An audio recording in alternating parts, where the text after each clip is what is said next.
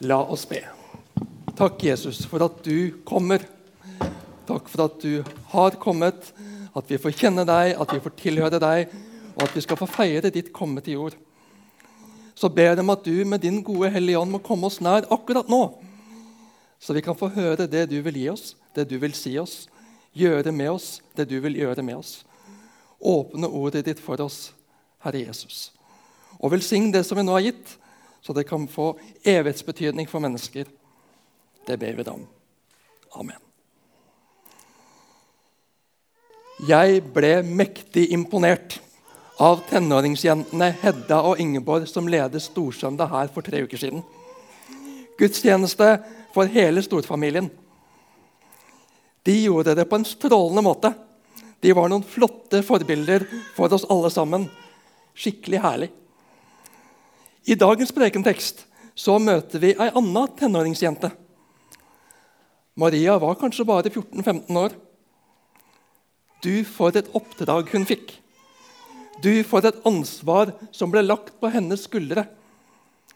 Gud hadde tro på henne. Gud satset på henne. Gud så potensialet i henne. Og hva handlet det potensialet om? Jo, først og fremst villighet til å stole på Gud. Og la Gud gjøre sin gjerning i hennes liv. Mer bokstavelig kan det vel ikke bli. Maria ble utfordret på å være villig til at Gud skulle få bruke henne slik han så var best. Og Maria sa ja. Og vi får fortsatt i dag, den dag i dag erfare fruktene og velsignelsen av det, ja, det ble til frelse, til håp for en hel verden. Et før og et etter.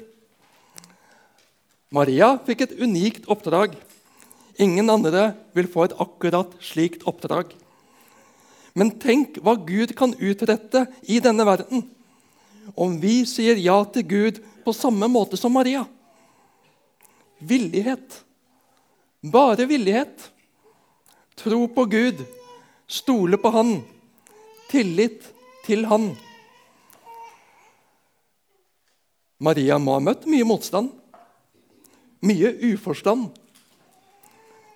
Mange urettferdige beskyldninger og anklager. Ja, hun risikerte livet. Hun kunne i verste fall blitt steinet til døde for beskyldninger for sex utenfor ekteskapet, som den tids lover ga rom for. Det var ikke tilfellet. Hun hadde holdt sin sti ren. Men det var, det var hva folk tenkte og trodde.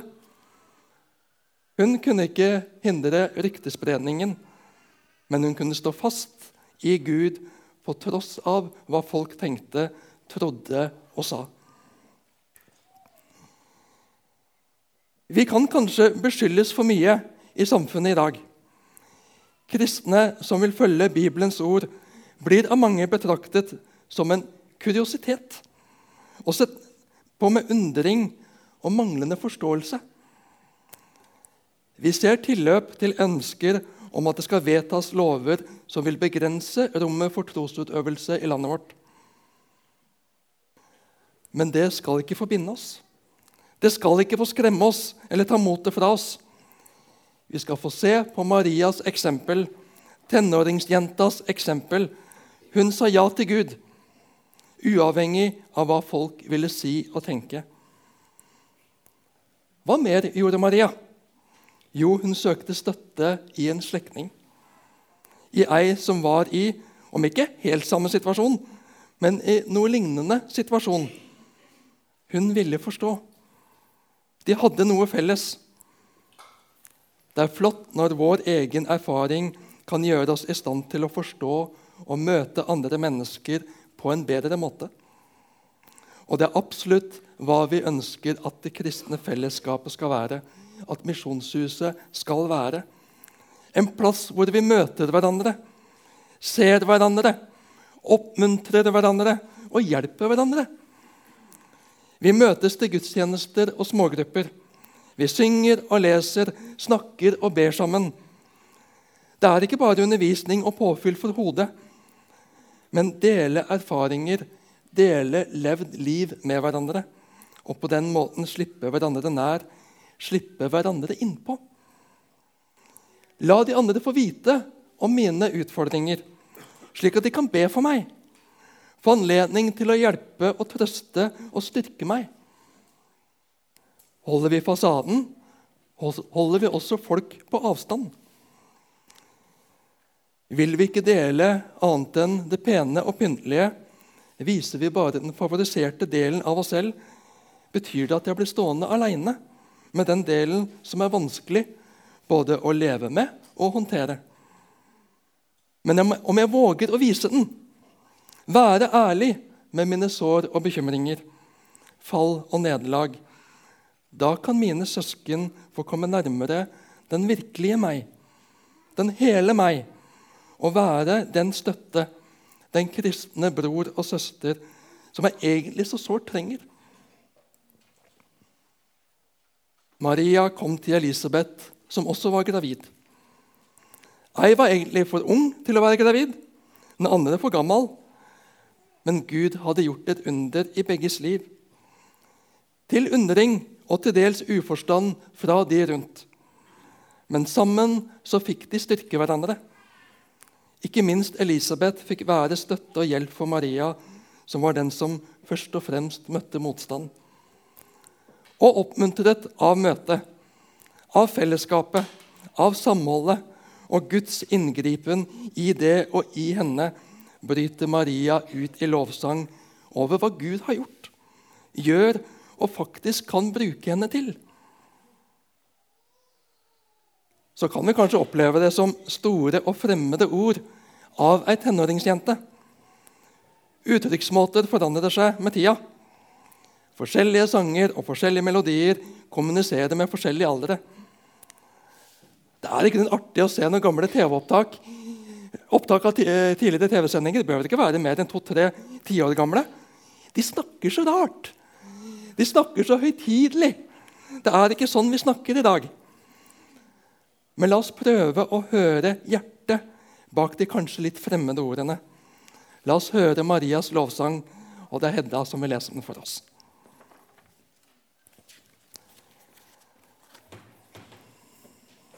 Vi står. Da sa Maria, min sjel opphøyer Herren, og min ånd fryder seg over Gud, min frelser. For han har sett til, ring, sett til sin ringe tjenerinne. Fra nå av skal alle slekter prise meg salig, for store ting har han gjort mot meg, han den mektige. Hellig er hans navn. Hans miskunn varer fra slekt til slekt for dem som frykter han. Han gjorde storverk med sin sterke arm. Han spredte dem som gikk med hovmodsanker, og støtte herskere ned fra tronen. Men de små opphøyet han. Han mettet de sultne med gode gaver, men sendte de rike tomhendte fra seg. Han tok seg av sin tjener Israel, så han kom i hu sitt løfte til våre fedre, og viste miskunn mot Abraham og hans ett til evig tid. Maria ble hos Elisabeth omkring tre måneder og vendte så hjem. Tusen takk, Hedda Krogdal. Vær så god, sitt. Ja, det er store ord. Det er mektige og litt fremmede ord. Det er på en måte overraskende at ei tenåringsjente bruker slike ord. Men her har vi med å gjøre ei jente som har gått på søndagsskolen. Det het kanskje ikke det da, men hun har lært sin bibel, Det gamle testamentet. Hun kjenner historien om Hanna som ble mor til profeten Samuel. Også det på overraskende vis. Hun kjenner historien hennes og lovsangen hennes og lar den inspirere henne i sin takkesang til Gud. Min sjel opphøyer Herren. Maria har behov for å sette ord på hvor stor Gud er hvor mektig det er hva Gud gjør, også i hennes liv. Hun fryder seg i Gud. Noen ganger så opplever vi at det, det bare bobler over. Det er herlig å oppleve. Jeg må bare takke. Jeg må bare prise Gud. Du så meg, lille meg. Du ser meg. Jeg som er et helt vanlig menneske kanskje til og med under gjennomsnittet. Det var ikke mye rang og verdighet og respekt som tillå Maria i samfunnet den gang. Hun var ung, hun var kvinne, og hun var fattig. Blant det folk som var sett ned på i et land som var okkupert. Men Gud så henne. Gud ville bruke henne. Ja, Gud er i ferd med å snu verdenshistorien gjennom hennes mage. Hennes villighet til å bli brukt av Gud. Og jeg syns det er herlig å lese. Fra nå av skal alle slekter prise meg salig. Maria er stolt over hva hun får være med på. Hva Gud gjør gjennom henne. Og det er en god stolthet. For det handler om hva Gud gjør gjennom sine villige redskaper. Hun digger ikke seg selv, men hun digger hva Gud kan gjøre gjennom henne. Det gjør henne stolt. Det gjør henne glad. Og du og jeg skal også få være stolte og digge hva Gud vil gjøre i våre liv, i vår hverdag, i vår menighet. Han vil skape liv. Han vil skape nytt liv. Han vil frelse mennesker. Han vil sette mennesker fri til liv i ham. Det får du være med på. Det handler ikke om dine kvalifikasjoner. Det handler ikke om alder eller CV. Det handler om villighet. Stol på meg, sier han. Jeg skal gjøre det. Maria dveler ikke ved problemene og utfordringene. I hvert fall ikke nå. Det svingte helt sikkert for henne også, som det gjør for oss alle, ikke minst i tenårene. Men nå ser hun det store i det hun får være med på. Hva Gud vil bruke henne til. Gud er til å stole på. Gud står fast om det svinger i meg. Det han har sagt, står han ved. Det står ved lag. Fra slekt til slekt varer hans miskunn over dem som frykter ham. Frykt her handler ikke om å være redd for og usikker på Gud. Vi trenger ikke å være redd for Gud eller usikre på Gud. Gud kan vi være trygg på. Han står fast. Han skifter ikke side. Han er ikke lunefull. Han er trofast og rettferdig, og han står ved sitt ord. Men vi skal få ærefrykt for Gud. Respektere ham, sette ham høyt. At det han sier, det betyr noe. Det lytter vi til. Det bøyer vi oss for. Han gjorde storverk med sin sterke arm. Han spredte dem som bar hovmodstanker i hjertet. Han støtte herskere ned fra tronen og løftet opp de lave.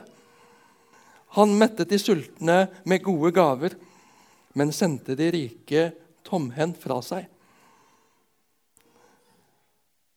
Et litt ubehagelig spørsmål kom opp i min bevissthet når jeg jobba med disse ordene fra Gud gjennom Maria. På hvilken side av historien vil jeg være? Vil vi være? De rike og mektige, de ressurssterke og flinke, er de som dominerer i verden. Men Guds perspektiv er annerledes. Gud er rettferdig. Gud skal gjenopprette rettferdighet. Så har vi mange eksempler på urettferdige herskere i historien. Vi har mange eksempler på rikdom tilegnet på bekostning av andre. Men hvordan vil etterslekten se på oss? Vi bor i verdens rikeste land takket være olja. Og vi sylter verdiene ned i fond. Men er olja vår? Vi er ikke bare nordmenn. Vi er verdensborgere. Medborgere, medmennesker. Borgere av den globale landsby. Vi får så mye nød og lidelser inn gjennom nyhetssendinger og Internett. Vi blir så vant til det. Det blir så mye. Og så lukker vi øynene og kanskje hjertene og foretrekker å tenke på triveligere ting. Er det rettferdig og rett? Internasjonale handelsavtaler reduserer de forskjellene eller øker forskjellene? Hva gjør vi? Ja, men det nytter ikke. Det er så voldsomt, det er så komplekst. Hva kan lille jeg gjøre? Vi kan gjøre det som Maria. Åpne våre hjerter og liv for hva Gud vil gjøre, hva Gud vil virke gjennom oss. I julen er fokuset ofte på familien. Kan vi se litt videre i år? Er det noen vi skal invitere? Er det noen vi skal gi en gave som ikke overstrømmes av gaver? Er det noen Gud minner deg på? Gud har omsorg og hjerte for de fattige og undertrykte. Er vi på Guds side, er vi preget av ham, så, det, så preger det hjertelaget også oss. Hvordan kan jeg gjøre livet litt bedre, litt lysere, for ett menneske i dag? Det utfordrer meg, men jeg kjenner også at her er det noe håpefullt. Livar Veggeland avslørte sist søndag da han leda gudstjenesten. Han avslørte temaet for kommende halvår her i Misjonshuset. Utadvendt tro. Troen som synes utover Misjonshuset. Troen som vender seg utover egne rekker. Troen som preger meg i møte med andre mennesker. Ikke at det er noe helt nytt som vi skal begynne med nå for første gang. Langt ifra. Men vi, vi vil sette fokus på det nå, slik at det kan bli enda tydeligere i vår menighet, i vår forsamling, i våre liv. Det er krefter både i oss og rundt oss som vil snevre det inn. En kan tro på hva en vil, så lenge en ikke prakker det på noen. Jeg vil ikke være til bry. Jeg vil ikke trenge meg på. For Maria syntes troen, tilliten og villigheten til Gud i en voksende mage. Og Det kunne jo være et behagelig trosuttrykk i møte med julens herligheter, eller hva? Voksende mage, mener jeg. Men det er i så fall en solid avsporing. Men hvordan ønsker jeg? Hvordan ønsker du at troen skal synes for de mennesker som du og jeg omgås som vi støtet på i løpet av uka. Hva ønsker vi? Hva er målet vårt? Hvis jeg har det klart for meg, så er det kanskje større sjanse for å nå det, framfor om det er ullent og uklart. Kanskje invitere en enslig bosatt flyktning eller flyktningfamilie hjem til meg, så et nytt vennskap kanskje kan vokse fram, bli til. Kanskje etablere eller øke fast givertjeneste for å sikre at jeg på jevna deler med andre så mye som jeg egentlig vil. At det ikke er avhengig av hva jeg føler for å gi på hver gudstjeneste eller møte. Kanskje sette meg ned og skrive eller formulere i hodet hva Jesus betyr for meg, med helt vanlige ord. En kort, på en kortfatta og enkel måte, slik at når jeg blir utfordra, på tronen min, så vet jeg faktisk hva jeg skal svare. For jeg har tenkt igjennom det, og jeg har øvd meg på det. Kanskje skal jeg begynne å be for de på jobben eller i nabolaget som jeg har et litt anstrengt forhold til. Jeg syns rett og slett at han er ufordragelig. Bønnen kan gjøre underverker i ham og i meg. Be for helt konkrete, unådde folkeslag. At budskapet om Jesus må nå fram til og inn i dem, slik at de kan se Jesus, komme til tro på ham, bli frelst, få det levende håpet som vi er så heldige at vi har fått del i. Jeg ble tipsa om en app for halvannet år siden. Og for dere som i likhet med meg har vanskelig for å skille seg av med den smarttelefonen, den følges med overalt hvor den er, en, eh, så finnes det nemlig en app som heter Unreached of the Day. Popper det opp varsel når du stiller inn på når du vil ha det, på ett unådd folkeslag som du kan be for, og så er det konkrete bønneemner for det folkeslaget. Jesus, jeg vil at du skal synes gjennom meg. Jeg vil bli forandret av deg, Jesus. Jeg vil at ditt hjerte for verden rundt meg skal prege også mitt hjerte. Han tok seg av Israel sin tjener og husket på sin miskunn, slik han lovet våre fedre, Abraham og hans ett, til evig tid. Gud hadde ikke glemt Israel, selv om de var okkupert av romerne. Han husket, og han hadde fortsatt miskunn, barmhjertighet, omsorg for dem. Også i den situasjonen de var i da Maria var tenåring. Gud har ikke glemt sitt folk i vår tid, 2019-2020. Vi har fått den nåde vi har fått den nåde å bli podet inn på tre, Guds folk. I Jesus har vi blitt en del av Guds folk. Gud har ikke glemt Abrahams ett, Israels folk. Gud, Gud gjør sin gjerning iblant dem, og Gud vil oppfylle sine løfter til dem. Det Gud har lovet, står han ved.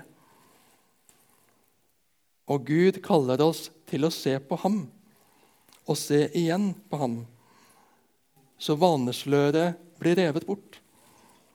Så vi får se ham mer og mer som han er. Så vi blir nødt til å opphøye ham, love ham, prise ham, ære ham for den han er. For at han ser til sine, for hans rettferdighet.